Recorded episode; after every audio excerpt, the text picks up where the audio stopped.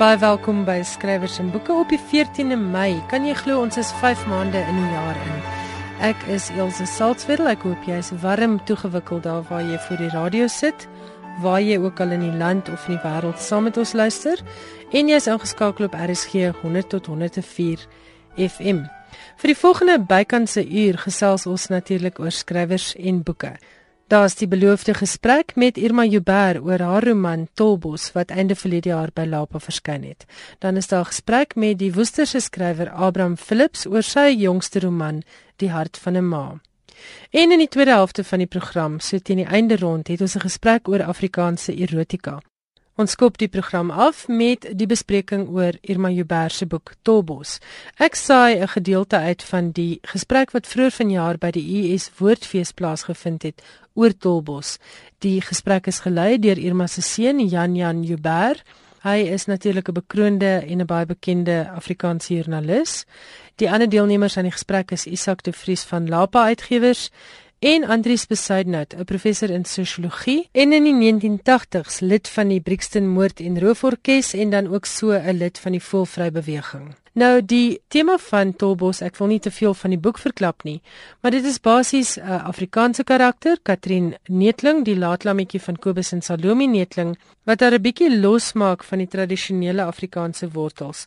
Sy gaan studeer by Wits, word lid van die Black Sash beweging En dan iewers in die boek leer ken sy vir Vladek. Hy is 'n Poolse jongman wat die land moet verlaat vanweë sy anti-kommunistiese bedrywighede. Afrikaanse musiek en spesifiek die musiek van die Afrikaanse Volvrybeweging speel 'n groot rol in hierdie roman. En hierdie is regtig 'n interessante gesprek wat parallelle trek tussen Pole en Suid-Afrika, die apartheid Suid-Afrika en wat 'n bietjie meer lig werp op die rol wat 'n beweging soos Voelvry op die land se bevryding gehad het. Net meer oor Irma Jubber, sy is 'n afgetrede, baie bedrywige oud Afrikaans en oud geskiedenisonderwyser en dit verklaar natuurlik hoekom sy met al hierdie wonderlike romans vorendag kan kom. Nou ja, hier is die gesprek. Baie dankie aan Iono FM wat hierdie gesprekke by die Woordfees opgeneem het en sonder wie dit nie moontlik sou gewees het om vir julle vanaand hierna te laat luister nie. Baie dankie dat julle gekom het om te hoor oor regtig waar wat my aanbetref my ma se beste boek tot dusver. 'n Lekker ingewikkelde boek oor 'n tyd wat ek dink 'n goeie oorgangstyd was vir ons land, 'n baie moeilike oorgangstyd vir Suid-Afrika. En 'n tyd wat vandag jy heelwat nog van die van die naspore van sien. Nou een van die kontraste in die boek is die manier waarop die chaos in die townships heeltemal 'n kontras vorm met die orde wat daar is in wat destyds die wit woonbuurte was. Andries, jy het die boek nou onlangs gelees. Hoe het jy daai kontras ervaar soos dit uitgebeeld is in die boek? ek het regtig nogal geniet om die boek te lees. Maar wat ek besonder hou van hoe die boek te doen is hoe dit musiek in gesprekke inweef en hoe gesprekke oor musiek gaan. Ek dink 'n mens behoort die musiek beter te ken as mense van my geslag om regtig alles te verstaan. Maar ek is bly dat dit wel spreek tot 'n jonger geslag en jy het nou nog my gevra Andries, hoe ervaar mense wat miskien nie jonk was daardie tyd die boek? En ek moet sê baie positief omdat dit 'n deel van die geskiedenis is wat baie interessant is. Hmm. Maar dit is maar juist interessant Irma dat jy so met die musiek omgaan. Andries is nou midde in die musiek en Jan Jan het groot geword in daai tyd toe Koos van Buys en daai mense bekend geword het. Maar ek wil jou kennis van die musiek en die manier waarop jy dit hier in die boek oordra is fenomenaal. Ek sê my kennis van die musiek is nul. Ek was aan die musiek blootgestel gewees deur my tienerkinders wat Jan Jan was daardie tyd, nê, nee, en sy broers. Maar dit wat mense in die boek lees is maar navorsing wat ek gedoen het en Jan Jan en sy vriende wat my gehelp het. Maar vir jou was dit 'n bietjie van 'n vervreemdende ervaring soms. Ja, ek kon nie verstaan. Ek het daardie tyd vir die kinders gevra, maar wat is dit aan hierdie musiek want dit dit was vir my vreemd. En later toe ek die lirieke lees, toe kom ek agter maar dit is die pragtigste woorde, dit is poësie. Maar hulle antwoord was spesifiek Jan Jan se antwoord, "Mamma, dis bevrydend." En daarom het ek ook die bevrydende element van die musiek ingebou in Katrien se karakter. En ek wou nog al die jare weet maar wat was dan bevrydend? En dis hoekom dit was een van die redes hoekom ek die boek wou skryf is omdat ek in daardie tyd wou ingaan wat ek daardie tyd nie verstaan het nie. In die jong mense se koppe wou in wou probeer ingaan en met behulp van 'n hele klomp jong mense wat my gehelp het, hoop ek ek het dit redelik reg gekry met Katrin.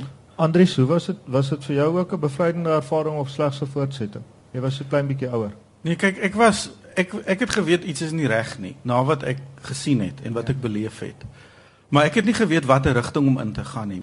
Ek dink as 'n mens uit 'n diep Christelike huis kom en jy kom in in die township en jy sien wat gaan aan, dan kan jy nie help as om ontstel te wees op 'n sekere vlak nie, omdat mense op in 'n manier in 'n plek groot geword het waar jy nie blootgestel word daaraan nie. En daai jou twee waar jou waardestelsel wat dan bots met wat werklik in die politiek aangaan, maak dat mens ek meen mense het nie iemand om mee te praat nie en en en dan kom daai musiek in die en die lirieke en jy jy besef maar daar's ander mense wat ook ongemaklik voel, wat ook dink soos ek dink.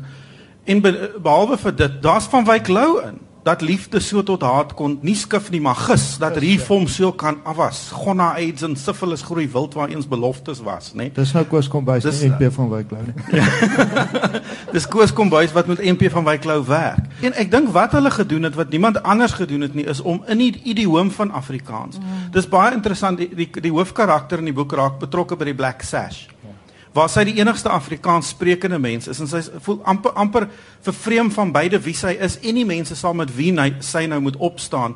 En wat Voelvry in daai tyd gedoen het, is dit 'n klomp andersdenkende mense wat nog Afrikaans wil wees, 'n huis 'n tuiste gegee. Kan kan ek net sê oor die vervreemding want dis 'n dis 'n dis nou Janie wat ek nou fisies self opgetel het daarso. Ehm um, weet ek was Afrikaans gewees, ek het aan die Universiteit van Natal geswat en dis in daai tyd wat ek toe nou weet gereeld in in die Bali en townships ingegaan het. En jy as Afrikaner is jy definitief um, net soos Katrin dit voel. Daar's daar's vreemd na jou gekyk. Um, hoekom is jy hier? Die probleem is dat ons daar van kampuspione gewees. Daai daai so goed het gebeur. Met ander woorde as Afrikaanssprekende was dit moeilik, maar die ene wat interessant was, is baie van daai Engelssprekende mense het juist hierdie Afrikaanse musiek geluister. En dit was wat die ooreenkoms was. Dit was so interessant by daai voelvry konsert in Durban. Die hoeveelheid Indiërs wat daar was wat Afrikaanse musiek geluister het in daardie tyd was vir my net totaal hmm. Eintlik ondenkbaar.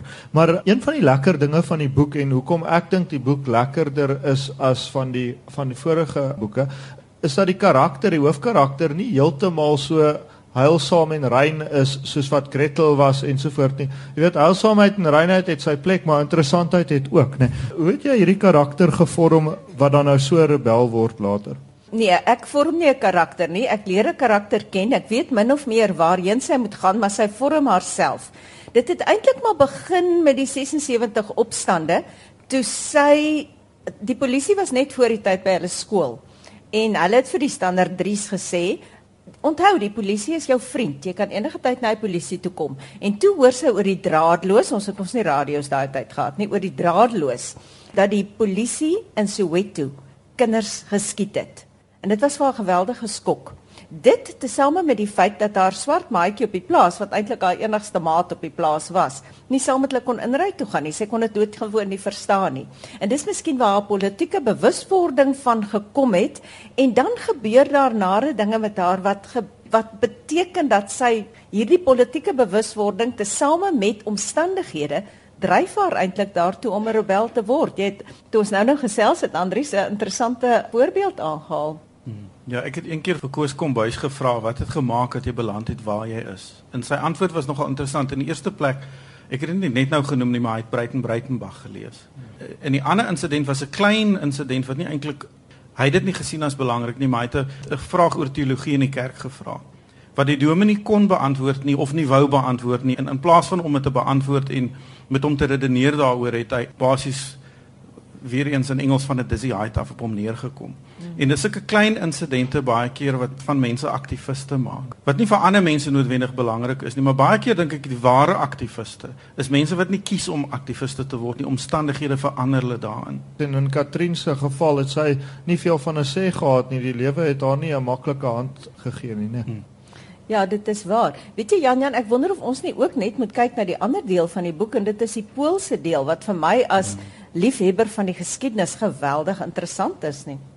Wel, die interessante in die boek is dat daar so 'n parallel is en ek dink dit was bepaald vir my nuus geweest dat die parallelle tussen die Suid-Afrikaanse belewing van daardie tyd en die Suid-Afrikaanse groter gebeurtenisse van daardie tyd en die Poolse gebeure so dieselfde is. Dit lyk of die twee lande, jy weet, op die eerste oogopslag niks met met mekaar te doen kan hê nie.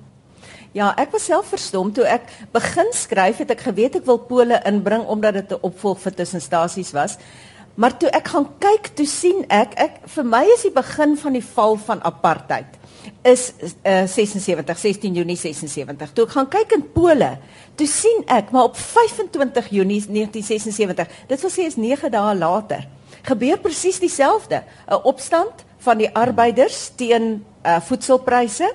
Dit begin as 'n vreedsame opstand, massa hysterie tree in, waarskuwingsskote en dit eindig in 'n bloedbad.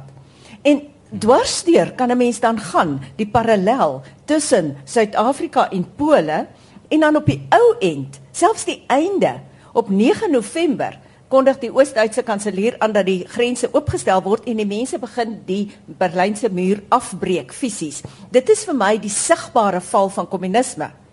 Minder as 3 maande later stap Nelson Mandela as 'n vry man in die strate in. Dis my die sigbare val van apartheid. Andries, het jy hierdie parallelle wat ek regtig waardeer het van die boek, is die Gandhi figuur. En ek dink in tye van geweld wat ons op die oomblik het. Ons is nog nie uit 'n geskiedenis van geweld nie. Interessante punt is daar's meer mense in politieke geweld in die 4 jaar tussen 1990 en 1994 doodgemaak as al die jare daarvoor. Ons dink aan Marikana, ons dink aan die geweld tydens uh, diensleweringproteste, ons dink aan die afbrand van biblioteke. En ek dink ons moet onsself ook as Suid-Afrikaners nou afvra waar daai geweldskultuur vandaan kom. En ek dink wat ek van die boek hou is die feit dat dit terugkeer na Gandhi, die feit dat dit Pole as 'n teenpool gebruik vir Suid-Afrika waar Lech Walesa praat in 'n stadium en hy praat oor Gandhi en Gandhi wat 'n figuur hier ook was en aan die begin van die verset het mense hier ook was nie gewelddadige optrede leidelike verset was baie belangrik en miskien het ons bietjie ons pad verloor daar en ek dink nie ons het ons pad al teruggevind na waar na 'n tipe van 'n protes wat wat aanvaarbaar is, 'n samelewing gaan verbeter eerder as aftakel nie. Ja, wat vir my ook interessant was en dit het ek ook met navorsing eers uitgevind is dat eh, die simbool van die Poolse revolusie was blomme. En omdat jy basies met blomme dit nie as 'n as 'n wapen kan gebruik nie. En toe sien ek 'n groep koos, dit is bitter moeilik vir my om na hulle musiek te luister. Nie omdat dit nie goeie musiek is, maar ek kon regtig nie woorde hoor nie, maar in elk geval. Uiteindelik het ek die woorde uh, gevind. Ehm um, eintlik het Dineke Volskenk op die eind vir my die woorde gestuur. En dit gaan oor sing jy van bomme. Onthou julle daai liedjie wat ons as kinders gesing het, sing jy van blomme? Daar's weer die blomme bomme. En die hele tyd is daar so sinspeling tussen blomme en bomme nie net in Pole nie, maar ook in Suid-Afrika. Want in Pole het hulle fisies die blomme gaan lê as 'n protesveldtog. Ja, ek onthou dit op die televisiebeelde. Hoe lê die mense die blomme daar by Gdansk by die skepswerf daar, né? Nou op die ou en dan ek weet ons moet nie die storie vertel nie, maar ek weet ook mense sal 'n bietjie belangstel om te weet dat daar darm ook op die menslike vlakke skakeling plaasvind tussen Pole en Suid-Afrika. Hoe dit dan nou gebeur dat 'n dat 'n Pool hoe genaamd in Suid-Afrika opeindig? Wel dit het begin in tussenstasies en tussenstasies het Pole betrek omdat dit is waar die konsentrasiekampe was en dit is hoe Jakob uitgekom het Suid-Afrika toe en toe ek nou met 'n opvolg skryf uh, Vladek Kowalski is Jakob se broer Stan se seun. Toe was dit vir my logies dat hy eintlik sy oom Jakob se vurige politieke belangstelling en geaardheid gekry het en miskien ook praat sonder dat hy altyd dink. Ja. Toe hy hiernatoe gevlug omdat hulle basies vir oom Jakob hier geken het. Hulle ja. het reeds kontak hier gehad. Die Dit was 'n veilige land die, en 'n baie ja, anti-kommunistiese land daardie tyd. Andries, ek wil graag terugkeer eintlik na ons punt wat ons vroeër gemaak het en dit is dat die saadjie van wat word word mos maar in die verlede gesaai. En as dit so is dat die 80er jare wat seker met die uitsondering van daai oorgangstyd En daai oorgangstyd was eintlik maar meer amper dit was die drukkoker wat wat net al hoe meer gekook het. Maar eintlik lê dit maar in die 80er jare. En is nou wel soos ons tot sat wordens te hoor in die parlement 20 jaar later, hoe kom mens uit hierdie geweld uit? Jy's 'n sosioloog. Ek weet nie. Ek dink mense mense skryf gedigte en jy skryf boeke en jy praat daaroor en jy hou hou aan debat voer. Jy hou aan om dit as 'n probleem te beskou en nie aan te aanvaar as 'n norm nie dat dit nie reg is om 'n biblioteek af te brand nie, dat dit nie reg is om iemand met 'n eysterpyp dood te slaan nie. Ek dink 'n mens hou aan om om um, om te praat daaroor. Daar's 'n 'n sielkundige wat afgekom het op kinders in die Oos-Kaap wat 'n speletjie speel. 'n Dogters en die speletjie se naam is Necklace Necklace. Hulle speel basies die hele insident van 'n van 'n halsnoermoord uit. Nou daai kinders was nie daar toe dit gebeur het nie. En die punt is sulke trauma gaan deur generasies en 'n mens moet uitwerk op 'n manier hoe daai ding oorgedra word van generasie na generasie en iewers moet 'n mens dit breek. En ek dink dit vat generasies om deur sulke goed te werk. Waardeur ek nie probeer sê ons moet nie nou daaraan werk nie, maar ek dink 'n mens moet dink aan kinders. Daai eerste boek in hierdie trilogie is eintlik Verwinkie Suiderkruis. Maar die van julle wat hom nog nie gelees het nie, dit gaan juis oor die Carnegie verslag, daai tyd van die armblanke opheffing. So die trilogie begin letterlik by die armblanke opheffing en dit is 'n ongelooflik interessante boek juis omdat dit nou daai tyd vat. En dan het jy die volgende tydperk wat natuurlik daar in die Tweede Wêreldoorlog die dis waar die tweede boek van die trilogie tussen stasies afspeel en dan spring ons nou hiernatoe maar dit is dis juis ek wil dit betreklik groot verskeidenheid hierdie trilogie. Waar ons hierson na toe spring is ons nie die enigstes wat dit doen nie want die hoofkarakter self trek tog daai parallel in die boek nê. Nee. Presies. Ja, dis reg. Sy gesels met haar ouma wat in ehm uh, wat kyk ehm um, Woodruff was in in Verwinkie Suiderkruis en wat gewerk het onder die arm blankes. En dan trek hulle 'n parallel en ek het behoorlik gegaan en gaan kyk presies hoe Verwinkie Suiderkruis die arm blankes daar beskryf is. En daardie beskrywings het gekom hoofsaaklik uit MER se verslag aan die Carnegie Kommissie. En dan kon jy presies dieselfde beskrywings toepas maar in die townships. Ek is 'n geweldige positiewe mens veral wat die toekoms van Suid-Afrika aanbetref en ek glo um, ons is op pad ergens heen. Ons is nie net op pad afgrond toe nie. As daar 'n opheffing kon kom in die 40er jare, in die 50s en die 60s van die geweldige armblanke probleem, dan kan daar ook 'n oplossing kom vir hierdie armoede en geweldsprobleem van vandag. Dit was dan 'n deel van 'n gesprek oor Tolbos deur Irma Jubber. Nou vir die van julle wat die Vryfees gaan bywoon, ek en Irma Jubber gesels by die Vryfees nog 'n keer oor Tolbos. Moet dit nie misloop nie.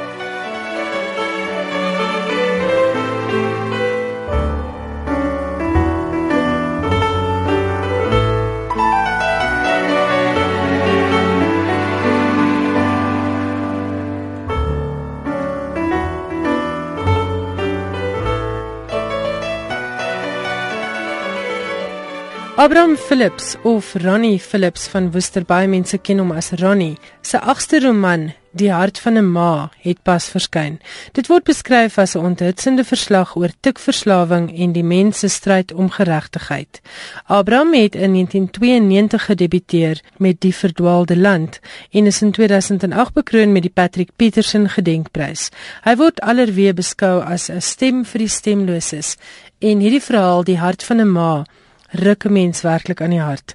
Danksy Uno FM en die Stellenbosse Woordfees kan julle vanaand saam luister na 'n gesprek wat Willemien Brummer met Abraham Philips gevoer het by vanjaar se Woordfees. Nou, jou jongste boek Die hart van 'n ma, um, gaan oor gesinne en 'n hele gemeenskap wat deur tik verskeur word. Broer vermoor broer en dit oor 'n potjie pap en seun vermoor pa amper soos daar in Ellen Pakkies verhaal. Um, maar dit alles vind plaas in 'n klein plattelandse gemeenskap. Nou nou die dag het ek vir oom die eerste keer ontmoet en ons het 'n onderhoud daar gevoer verby. Um en oom het vir my iets gesê wat my regtig nogal opgeval het en dis laat oom gesê het in die gemeenskap waar oom bly daar op Woester is dit is tik baie erger as selfs op die Kaapse vlakte. Wil oom 'n bietjie meer vertel oor hoekom dit soveel erger is as op die platteland? Ik heb een bericht in die burger gelezen destijds van wat die, uh, die bevelvoerder in die Westkaap wat over drugs praat. En hij zonder wat tik omtrent vijfde of zesde op die lijst uit. En dat is hoe ons mensen, wat ik het maar echt sê, van die geleerde mensen wat kennis is, hulle glo en nie werklik ingaan op 'n saak nie. Hy het sy sy uitsprake gegrond op die feit dat hulle mense lorries, busse, enige vervoer voorkeer en dan die draaks uithaal en dan daarop sy aannames maak. Maar hy vergeet is laat tik die goedkoopste, maar die gevaarlikste dwelm in Suid-Afrika is. Tik deur enige mens. Uh, jy hoef nie 'n graad te hê om tik aan mekaar te nie. Jy kan dit sommer in jou kombuis, in die kamer, in die in die agterplaas, daar kan jy tik vervaardig. Dis 40 rand vir 'n klein bietjie tik. En tik word gewoonlik deur die arme mense gebruik. Maar die belangrikste hoekom ek van die polisie hoof praat, is dat tikkie vervoer word. Nie. Hy word nie vervoer. Nou hoe kan jy sulke aannames maak? Om terug te kom na Wilhelmine se vraag. Die uh, uh, daar word baie gefokus op die Kaapse vlakte, baie meer as op die platteland. Die berigte die week in die in die burger byvoorbeeld van die moorde in Mitchells Plain en in uh, in Bishop Lewis bewys dit. Die afgelope paar dae van weke van die jaar is daar ag moorde in 'n klein gebied in Woester gepleeg. Al ag moorde was stikverband. Die gangsters is natuurlik die oortreders. Is geweldige gangster geweld in net in die gebied van Woester. Die naweek Wie sou sy berig het wys dit vir julle? Hier staan hoeveel moorde nog.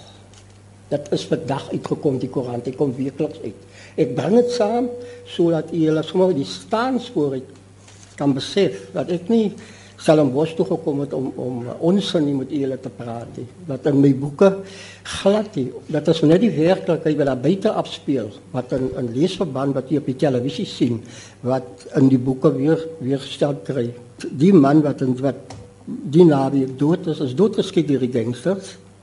Twee weke gelede is 'n man 28, hy's 19 jaar oud, 28 keer met 'n mes gesteek.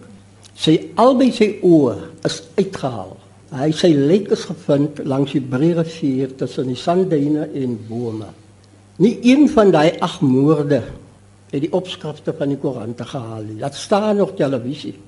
Oom Rani, Nou, net om daarbey aan te sluit by die vorige vraag, nou daar's baie romanskrywers wat taamlik vies raak um, as 'n mens vir hulle sê hoeveel van die boek is regtig waar, maar ek weet nou al uit ondervinding oom gee nie soveel om as as 'n mens vir oom daai vraag vra nie, maar hoeveel van die dinge in die boek is is regtig waar? Ja, um, want die dinge wat in hierdie boek gebeur is werklik skokkend.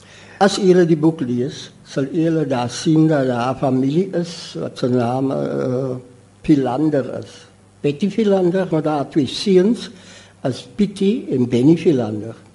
Nou die jongste broer Benny het sy broer doodgesteek te Pietie oor 'n potjie pap. Oor 'n potjie pap. Hulle albei was stuk verslaaf. Mense wat in die nag rondwaal en dan soggens in die huis kom en hulle wil eet dit maak nie by hulle geen sin saak. Of daar kos is nie of wat in die huis is nie. Uh, van werkers daar geen sprake nie. Die mense is dit moet ek baie vinnig in die onderhoud by by julle sê is soos 'n lijk op twee bene. Soos ek dit beskryf in die hart van 'n ma. Dis mense wat jy kan maar sê, kan maar wat hulle sê en doen. Is amper byna of jy maar aan hulle kant moet kom as dit by hartsake kom. Want hulle weet nie wat hulle doen nie. Dis 'n iemand wat onder die invloed van drank is, kan nog vinnig by sy hy weet wat ten minste wat hy doen, maar nie eintlik 'n tak verbreker nie. Hy is tot alles in staat. Alles in tye van hom gaan dood. Dis eenvoudig so. En hy beskryf daar hoe hoe die een seun op die grond val terwyl die seun wat hom gesteek het sobat en op by hom en vir hom sê vliester in sy ore Pietie Pietie word wakker. So, ja, en hy sê vir sy ma, "Toe mamma, Pietie slaap maar net. Hy is nie dood nie." So eerlik maar uitwerk wat deur so 'n mens aangaan, dit is onbeskryf. Ek kan dit eintlik vir julle beskryf nie. Uh, ek ek weet nie of as jy kinders dit sal sal kan doen nie. Daai voorval is gegrond op 'n ware gebeurtenis in Woester. Wat ek doen is om ware gebeurtenisse so sterk onder u aandag te bring van die werklikheid. Hulle sê dat die waarheid is enige mense, maar die werklikheid is heeltemal iets anders. Men het help jy gaan wegkyk of weghardloop nie as ons by tik kom nie. Tik geen velkleur nie. Hy ken geen status nie. Hy kom al hoe nader na jou woning. Jy jy kan maar al opsie wat jy sekerlik het op die ou einde is om die land te verlaat. Wat doen 'n mens? Daarvoor is hy boeke daar om 'n beginpunt vir julle te gee. Want dit help julle gaan letterkundige boeke lees. Boeke wat party boeke wat geen sin maak eintlik in die samelewing nie. En dan ontstaan die vraag, maar dis dit 'n groepie mense wat wat die boeke lees.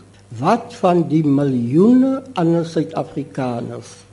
Sal dit beter wees as ons nader kom en belangs meer belangstel en hulle sê jy geraas maak, dan gaan iemand anders later dit ook doen.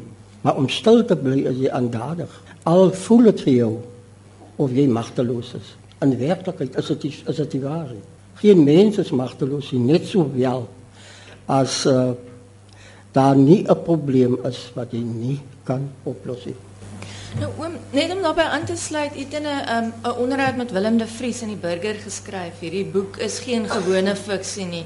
Die boek is geskryf met 'n doel en dis sodat ons mekaar kan help. Op watter manier kan letterkunde 'n roman soos hierdie help om 'n probleem waarteen 'n mens eintlik party dae magteloos voel, soos so stuk? Op, op watter manier kan so 'n boek dinge verander in die samelewing?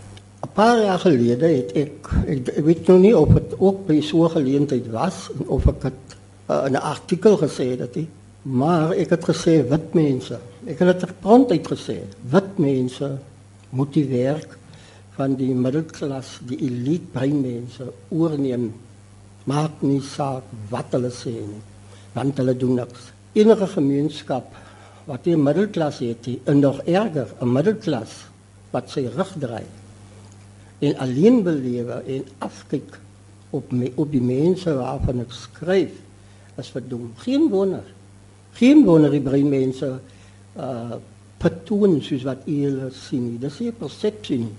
Dit dit dit is so, dis die waarheid, maar ek sê baie van my dogters, hulle al drie is onderwysers. Ek sê baie van hulle, nie een van julle gaan 'n vinger wys na daai kinders toe nie, want dit is hulle skuld. Dis daai daai selfde onderwysers daar waar jy die skuld moet, moet gaan soek.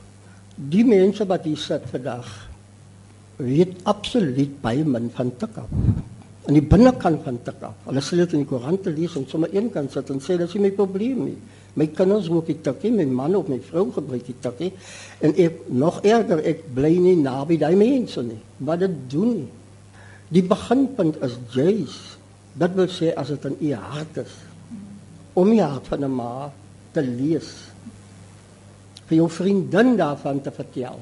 Die telefoon op te tel. Kennisse te bel. Professore te bel en te sê hou op ons en praat. Gie aandag hier aan.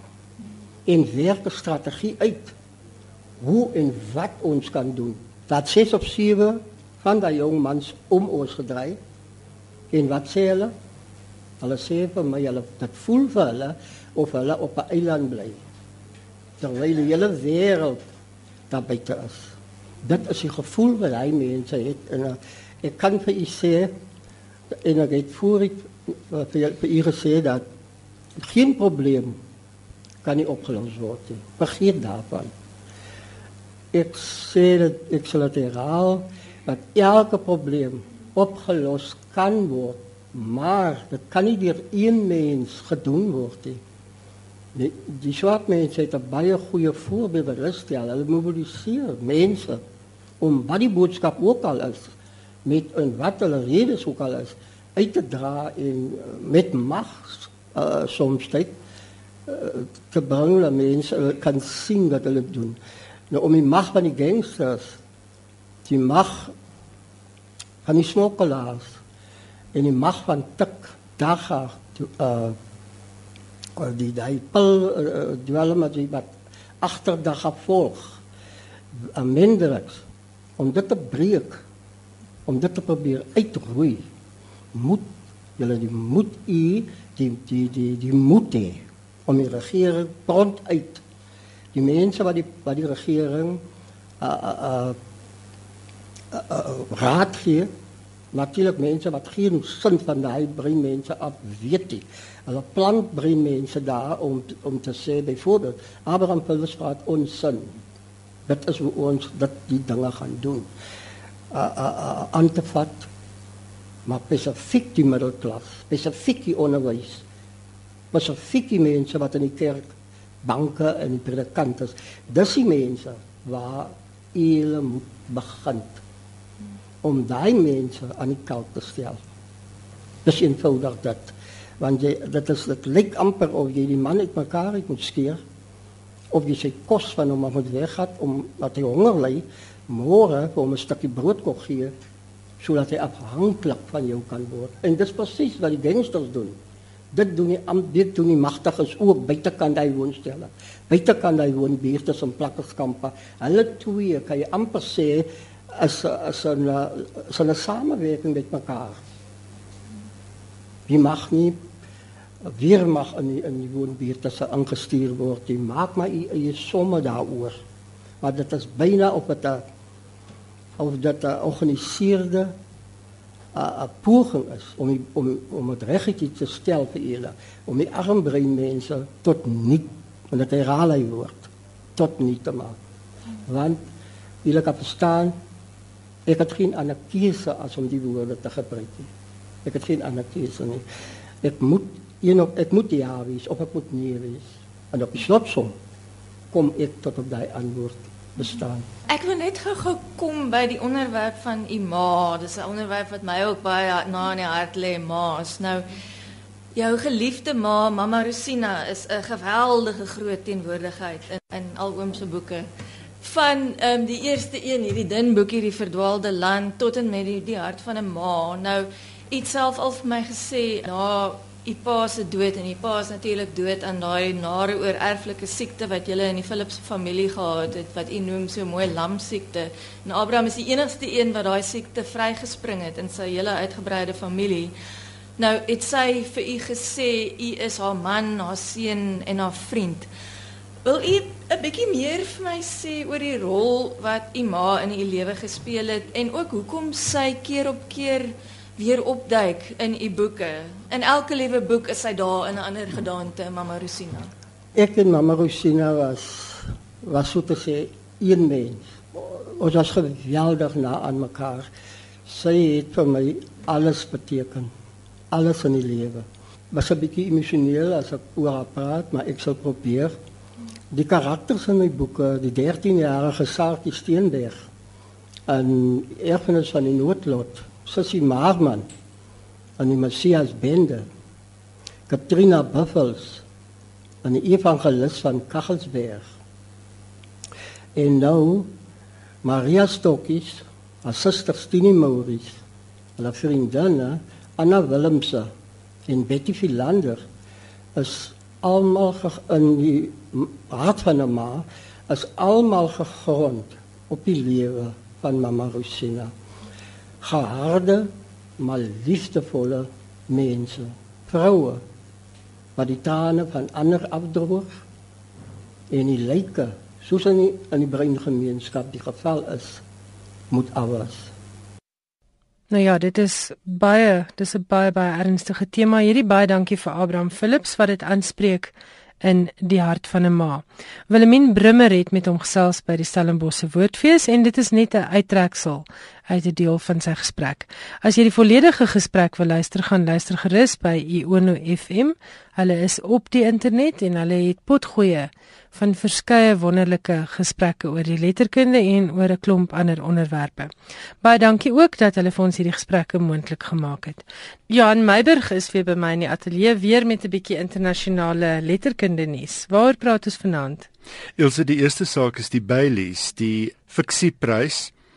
Nou die Amerikaanse skrywer Donna Tartt is volgens 'n hele paar publikasies, dis nou die wat agslaan op peilings die gunsteling om vanjaar se Baileys fiksieprys vir vroue skrywers te wen. Die prys was voorheen bekend as die Orange Prys. Met haar onlangse roman The Goldfinch wat sommige resensente beskryf as 'n verbuisterende meesterstuk en ander as an overlong turkey of a novel, het sy verlede maand die Pulitzerprys vir fiksie ingepalm. Vir die prys se beoordelaarspaneel het die roman uitgestaan as 'n knap geskryfde roman oor die grootwordproses en met fyn beskryfde karakters. Die roman waaraan Tar 10 jaar gewerk het, is die verhaal van 'n 13-jarige New Yorkse seun, Theo Dekker, wat 'n terreuraanval oorleef waarin sy ma dood is. Die aanval, sonder dat die plek by die naam genoem word, is die Metropolitan Museum vir moderne kuns. Die titel van die boek verwys na die gelyknamige skildery van Karel Fabritius, 'n 17de eeuse skilder uit die skool van Rembrandt. Die skilderytjie herinner Theo later aan sy ma en word vir hom 'n toegang tot die kunswêreld. Vir die resensent van die Britse Sunday Times was Start se kanarie meer van 'n kalkoen. En vir die Observer se resensent, wel sy het prompt erken Sy was diep verveeld met die boek. Nietemin reken beroepswedders Tart is 'n 2 tot 1 gunsteling om die Bailey's-prys te wen. Die naasgunsteling is die Nigeriese skrywer Chimamanda Ngozi Adichie vir haar derde roman Americana met 3 tot 1. Adichie het Tart geklop toe sy in Maart die Amerikaanse National Book Critics Circle prys ingepalem het. Die roman is die verhaal van 'n Nigeriese blogger wat uit die FSA na haar vaderland terugkeer na haar jeugliefde. The Telegraph het die boek beskryf as 'n briljante verkenning van wat dit beteken om 'n Afrikaan in Amerika te wees. As Start sou wen, sal sy agtereenvolgend die 6ste Amerikaner wees om die prys in te palm. Op die kortlys is daar twee Ierse skrywers, maar geen Brit nie, hoewel Jumpa Lahiri in Londen gebore is maar sedert 2 jarige ouderdom in die FSA woon. Lahiri is benoem vir haar The Lowland wat die verhaal is van twee broers wat in Kolkata van die 1950s en 60s groot word. Die boek gaan oor die onderskeie politieke keuses wat die twee broers maak en die gevolge van hul keuses. Die boek het verlede jaar meegeding om die Man Booker Prys wat toegewen is deur Eleanor Catton met The Luminaries. The Lowland is Lahiri se tweede roman. Die eerste, The Namesake, het in 2003 verskyn. Die ander drie skrywers op die kortlys is Emer McBride, Hannah Kent en Audrey McGee. Al drie die skrywers is benoem vir 'n debuutwerk. McBride het met haar debuut, A Girl is a Half-Formed Thing, vroeër vanjaar die eerste Goldsmiths prys gewen. Die boek het in 6 maande geskryf, maar 9 jaar gevat om dit uit te gee. Die roman is geskryf in 'n bewussynsstroomstyl en gaan oor 'n jong vrou se verwikkelde verhouding met haar familie. Die Australiese kind se debuut, Burial Rites, is die ware verhaal van Agnes Magnusdottir. Ek weet nie hoe my IJslandse uitspraak nie. 'n Noord-IJslandse huisbediende wat in 1830 tereggestel is na die moord op twee mans. McGee se debuut, The Undertaking, is die verhaal van 'n Duitse man en 'n vrou wat te midde van die trauma van die Tweede Wêreldoorlog hulle lewe probeer lei. Die twee se huweliksluiting is dalk een van die uitsonderlike gegewe in die boek. Die Bailey's-prys word op 4 Junie aangekondig of die wenners dan van die Bailey's-prys. Baie interessant. Dis nog 'n hele wye verskeidenheid onderwerpe waar geskryf is, né? En interessant is hierdie drie debute. Jy het ook iets oor 'n nuwe roman van 'n baie opspraakwekkende skrywer. Inderdaad, Irwin Welsh het in 1993 was dit. Het hy eers die lees en toe die flieks-wêreld in rep en roer gehad met sy eerste roman Trainspotting. Nou Trainspotting het bestaan uit 'n reeks verwante kortverhale wat draai om 'n groep vriende om tanende vriendskap, om dwelmgebruik en afhanklikheid en bovenal die behoefte om los te breek van die dodelike verveling van lewe in 'n behuisingsskema.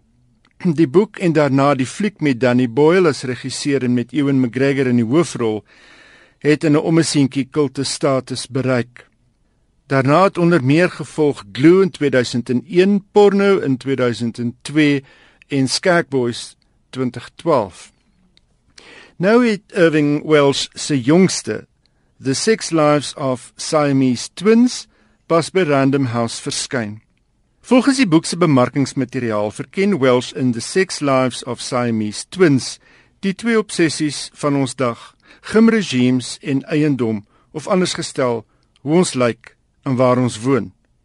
Lucy Brennan, 'n persoonlike fiksheidsinstrukteur in Miami Beach, takel 'n gewapende man wat twee benoude haweloses een aand laat agtervolg. Die polisie en TV-kameras is gou op die toneel en ons Lucy is die held. Haar roem is van korte duur. Die man wat sy ontwapen het, ene Sean McCandless, blyk die slagoffer te wees van seksuele misbruik as kind en die twee wat hy agterna gesit het, is reeks pedofiele. 'n Ooggetuie Die depressiewe en oorgewig Lena Sorensen is nietemin beïndruk met Lucy se heldedaad en besluit om aan te sluit by Lucy se Body Sculpt gym. Dit blyk egter dat Lena meer in Lucy se lyf belangstel as in haar eie.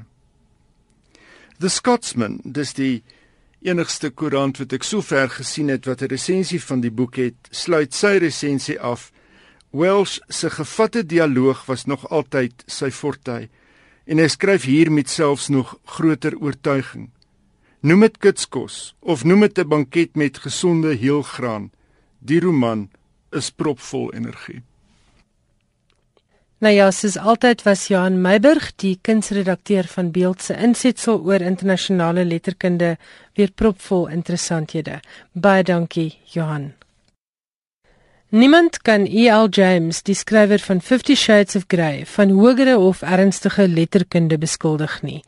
Baie kritisie was baie uitgesproke oor hoe vrot hierdie boeke geskryf is, maar tog het sy 100 miljoen kopieë in 52 tale wêreldwyd verkoop. Dit is 'n verkoopsyfer waarop enige skrywer baie jaloers kan wees. Nou, wat was haar geheim? Die geheim is natuurlik dood eenvoudig. Sy het voorsien in 'n behoefte aan erotiese literatuur. Vanaand gesels ek met twee kenners van die Afrikaanse uitgewersbedryf om te hoor hoe sake hier staan met erotika. Ek gesels nou met Corneels Breitenberg, natuurlik 'n ou bekende in die uitgewersbedryf en self 'n skrywer. Corneels, baie welkom. Dankie, goed om hier te wees. In die laaste 2 of 3 jaar het daar 3 boeke in Afrikaans verskyn waaraan ek nou onmiddellik kan dink in die genre wat 'n mens erotika sou kon noem. Uh Bloed en Skarlakenkoors waaraan verskeie skrywers deelgeneem het en meer onlangs El Roo se Speels. Wat dink jy is die rede vir hierdie opbloei? Ek het vermoede ons het al ek en jy het al van tevore daarna verwys maar the 50 shades of grey het baie baie spooke losgemaak en wanneer so 'n boek so geweldig getref word as oor see en plaaslik kan jy dat uitgewers begin skrywers aanmoedig om 'n bietjie in daai rigting te werk om te kyk of daar nie ook so iets vaardig kan raak in Afrikaans nie. En dit is beslis met Broods en Skarlaag en Koos die geval gewees. El Ruse speel sies miskien nou iets anders. Ek dink dit is meer 'n kwessie van 'n vrou wat op 'n punt in haar lewe gekom het waar sy besluit het maar sy wil 'n bietjie meer openhartig wees oor die pad wat sy gestap het. En omdat daar so min vrouens wel daai soort van openbarings op skrif stel, is dit so 'n sonderlinge boek. Dis dit tref mense dadelik dat dis nie uh, iemand wat doekies omdraai hierdie nie. Bloodsins Karlagenkoers is miskien erotiek van 'n ander aard. Dit is baie wydreikend, uh vreeslik 'n klomp skrywers het daaraan deelgeneem en elkeen van hulle het maar sy eie styl, maar jy weet erotiek is is maar 'n snaakse ding. Uh so seks, weet ek ek sê altyd seks is nie 'n toeskouersport nie. Maar erotiek is omdat jy nie daai intieme onmiddellike betrokkenheid het by 'n fisieke seksie nie. Jy sit eintlik met jou verbeelding daar. Bietjie van 'n voyeur. Ja, o ja, baie beslis. Dis eintlik ek dink voyeurisme is die is die dryfkrag van erotiese skryfwerk omdat dit die leser in 'n plek plaas waar hy andersins nie sou wees nie. Baie mense is maar 'n bietjie teruggetrokke om oor seks te praat of te dink. En wanneer jy dan op hierdie verbeeldingsvlug gaan, kan jy eintlik jouself die vryheid gee om jou verbeelding te laat gaan. Maar jy weet, ons sit nog steeds met die reste van 'n baie bekrompe kalvinistiese opvoeding hier in die 40s, 30s, 40s, 50s en die naderdraai daarvan is nog maar steeds dat mense nie maklik daaroor praat nie. Ek wou nou jous vir jou vra, is ons nou al meer oopkop? Is dit hoekom boeke soos hierdie verkoop of is ons maar nog eng? Man, jy weet die seksuele belewenis as ek nou so 'n dominee kan praat is 'n baie geskakeerde ding. Maar stuur kinders die lewe in sonder om ooit reg vir hulle presies te sê wat aangaan daar in die huweliksbed. Jy kan vir jou kinders sê min of meer wat aan die gang is, maar die die belewenis is iets heeltemal anders. En ek dink ons kom nou al by daai punt dat mense word so gebombardeer in televisie, rolprente, boeke die daar is 'n natuurlike neiging dink ek om meer oopkop daaroor te wees, maar ek dink die mense natuurlike geneigtheid is maar eintlik om weet soos 'n swak bankbalans, jy praat nie daaroor nie. Of die WP rugby span, nee. Of nee, nee, in die jare is dit die blou bulle. Ja, oor die stormers, hoe meneer praat nie. 'n Vraag wat ek al dikwels in hierdie program gevra het en en uiteenlopende antwoorde opgekry het. Ek kry altyd die indruk daar word vreeslik neergesien op die genre liefdesromans, maar as 'n mens moet eerlik wees, sou jy eintlik sê dis eintlik maar alwaar lesers tot dusver in Afrikaans sekstonele gekry het en op 'n 'n manier 'n ander soort erotika gekry het. Dink jy daar's nog 'n stigma aan aan erotika dit dat ons dit nie in vreeslik baie boeke raakloop nie aan die skryf daarvan spesifiek? Ja moontlik moontlike stigma maar jy weet daar's 'n daar's 'n ander element wat 'n mens nie uit die gedagtes moet verloor nie. En dit is dat dit vrek moeilik is om oor seks te skryf. Hoekom? Wat maak dit so moeilik? Man as ek as ek gaan skryf oor 'n man en 'n vrou wat wat mekaar iewers bedaak loop en met my bed spring of onder 'n boom gaan hulle aan lê dan dink almal dit het met my gebeur. Hulle sê hoor maar dis mos kneels nou wanneer het dit met jou gebeur? Hoe hoe, hoe was dit heel dikwels uh, kry ek dat ek iets geskryf het wat ek so hard gesukkel het om met my duim te suig. En dan dink iemand dat dit met my gebeur en dit het nie jy weet. So die oomblik wanneer jy begin oor seks skryf is jy dalk nie bewus daarvan dat mense gaan dit dink. Jy, jy het jou vrou of jou of vriendin om gedagte te hou of jou man of wie ook al jou jou minnaar is. Almal gaan dink o oh, lekker daai dit is dis hoe hulle lewe is. Maar dit is nie dit is nie die geval nie dis baie selde die geval en die erotiese verbeelding is maar ook eintlik 'n versigtiging. Jy weet so die skrywer moet maar dink die dinge wat hy dink prikkelend is vir hom skryf. Hoop dat ander mense daarbey aanklank gaan vind en dan daai verpestelike reaksie altyd kry. En natuurlik ook die ander die derde bykomende ding is dat die oomblik wanneer jy oor 'n sekstoneel geskryf het of 'n soort sekstoneel kan jy hom nie weer skryf nie uh, jy moet elke slag iets nuuts uitdink en weet jy hoe moeilik is dit om dinge nuuts uit te dink in seks. Mense dink dit ek kan dink. Maar kan ons praat oor die taal? As jy seks moet skryf het afrikaans al ver genoeg gevorder dat jy dit kan skryf sonder om kri te klink? Ja, dis 'n baie lekker probleem. Dit is moeilik om om in so 'n erotiese versigtiging waar daar nou wonderlike dinge besig is om te gebeur tussen 'n man en 'n vrou skielik moet terugval op die woorde penis en vagina. Jy weet dit is dit dit voel 'n bietjie smetterig. So jy jy kry altyd 'n lekker sinoniem of iets wat jy kan gebruik. En dit maak die dinge bietjie meer interessant vir my is om daai taalspel te begin speel waar jy mense net 'n bietjie anders na woorde laat kyk. Jy weet iets soos roede wat 'n baie lekker woord vir 'n penis is. Maar dit is ook 'n woord vir 'n stok waarmee iemand kan slaan. Jy weet dis 'n soort van spel wat vir my interessant is van erotiek. Ek uh, weet nie wanneer skrywers dit so vind nie, maar die taalregister is vir by party van dit baie skraal. En dink jy daar gaan nog meer erotiese boeke in Afrikaans nou begin verskyn? Wel, ek hoop so, want hoe meer daar verskyn, beteken dit al hoe meer mense lees. Dis 'n ander leserspubliek wat jy bereik met erotiek as wat jy bereik met liefdesverhale. Ja, liefdesverhale is in baie gevalle is is vir eensaamde mense of mense wat nie baie uitkom nie wat dit graag lees. Uh, dit is 'n ontvlugting vir hulle. Dit is 'n manier om liefde weer en weer en weer te beleef in 'n taamlike saai bestaan, maar uh, die profiel wat ons het van mense wat liefdesverhale lees is anders as die profiel wat jy het van mense wat speurverhale lees. Daar kom weer 'n baie sterk manliker element by. Mens hoef nie 'n sosioloog te wees om te weet dat daai soort van onderskeidings raak altyd 'n bietjie moeilik, maar hulle is daar. Iets soos leserskring werk baie sterk op daai onderskeidings. Nou waar pas die erotiek in? Ek dink dit val in daai vagie tussen die liefdesverhaal en die speurverhaal skrywers. Jy kry mans wat dit lees, maar jy kry ook baie vrouens wat dit lees. Ek dink net in winkels spesifiek is daar nog drempels. Mense neem nie maklik 'n boek met 'n kaal vrou op die omslag na die kasregister en vra om daarvoor te betaal nie. By boekklubs gesê jy 'n baie sterker respons kry van die van die publiek. Of mense gaan dit waarskynlik meer lees as elektroniese boeke, né? Nee? Absoluut. 50 Shades of Grey, die grootste verkoper was in elektroniese boeke geweest. Want niemand kan sien wat jy lees nie. Ek weet nie of jy al ooit in 'n plek soos Londen op die op die tube gery het nie. Daar sit mos altyd mense boeke en lees. Ja. En meeste van hulle hou mooi reg op dat die mense nou kan sien wat op die omslag is, maar ek het nog nooit iemand daar sien nou 'n erotiese boek lees nie. Jy doen dit net nie. En dis tog 'n baie oper, meer oopkop gemeenskap. Ja, ja, ja. Ja, daar is nog 'n sterk drempelvrees vir sulke goed. So ons kan nog groei in hierdie genre verwag en en hierdie was dalk maar net die begin. Ek hoop so, maar ek weet met al hierdie goed, is maar soos met kookboeke en ander soorte nutsboeke ook. Daar's siklusse in die publikasie wêreld waarvan uitgewers baie bewus is. As jy nou 'n 50 Shades of Grey kry, gaan jy volgende week miskien 'n Da Vinci Code kry. Daar is sulke uitskieters, maar daar's nie twee Da Vinci Codes na mekaar nie en daar's nie twee 50 Shades of Grey na mekaar nie. Die goed volg mekaar op en wissel mekaar af. So miskien nou dat jy voor dat weer erotika aan die bod kom. Dit was Corneel Spruitenberg en ons praat steeds oor erotika. Ek gesels nou met Rihanna Barnard van NB Uitgewers. Sy was die uitgewer van Bloots en Skarlakenkoors. Rihanna, baie welkom en dankie dat jy met ons gesels. My eerste vraag sou wees: Is daar 'n mark vir Afrikaanse erotika?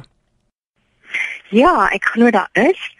Die rede hoekom ek hierdie projek aangepak het, is omdat 'n boekhandelaar, uitstekende boekhandelaar, Leonie van Rensburg van Graffiti, het vir my gesê sy sien daar is 'n behoefte.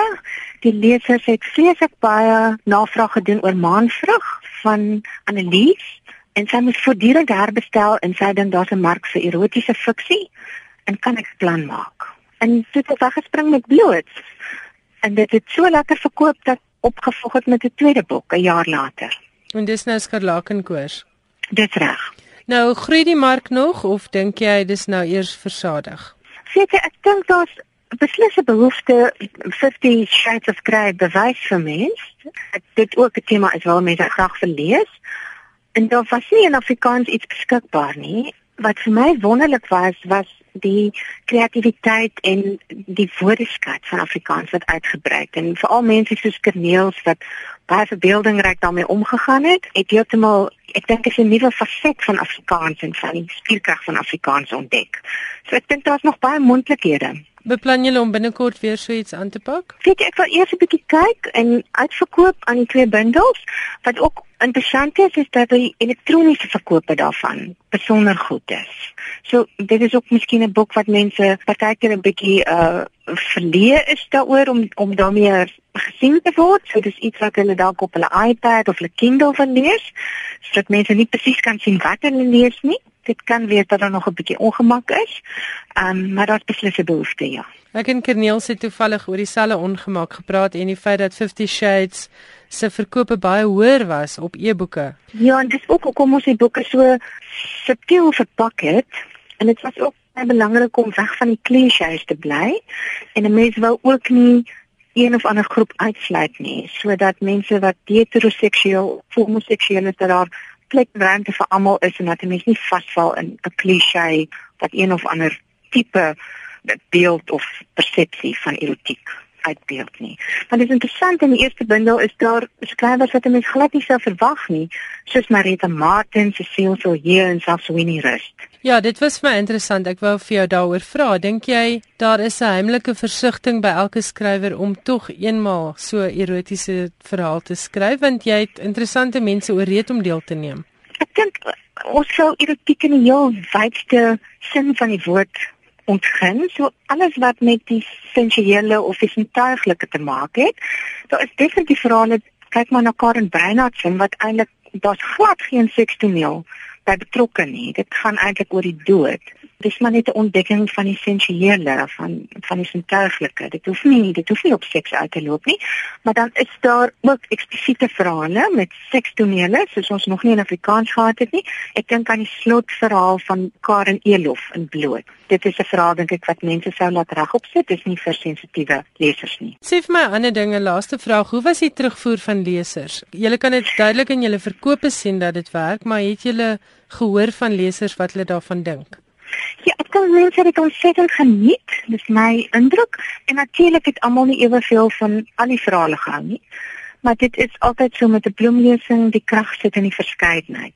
So, jy lees waarvan jy hou en as daar verhale is wat jou minder plesier gee, dan blaai jy verby. En soms kla lesers by literêre werke as daar eksplisiete tonele is, maar ek dink met hierdie bundels is dit duidelik die kode was duidelik, hulle het geweet wat hulle koop en lees.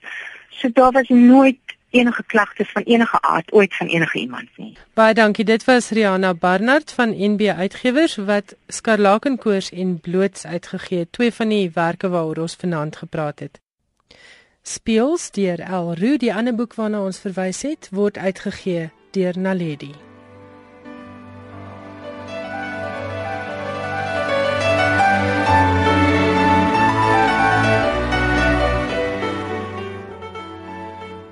Dis dan nou alwaar vir ons vanaand tyd het. Baie dankie dat jy saam geluister het. Die program is oudergewoonte beskikbaar as 'n potgooi en dit is op ons webwerf by www.rsg.co.za. Ons e-posadres is skrywersenboeke@rsg.co.za en ons SMS-nommer is 3343. Elke SMS kos R1.50 en gratis SMS'e tel ongelukkig nie. Volgende week is ons terug hier op RSG 100 tot 104 FM met skrywers en boeke. Tot dan groet ek Elsje Salzwetel en ek wens vir jou 'n baie mooi week met stapels vol boeke.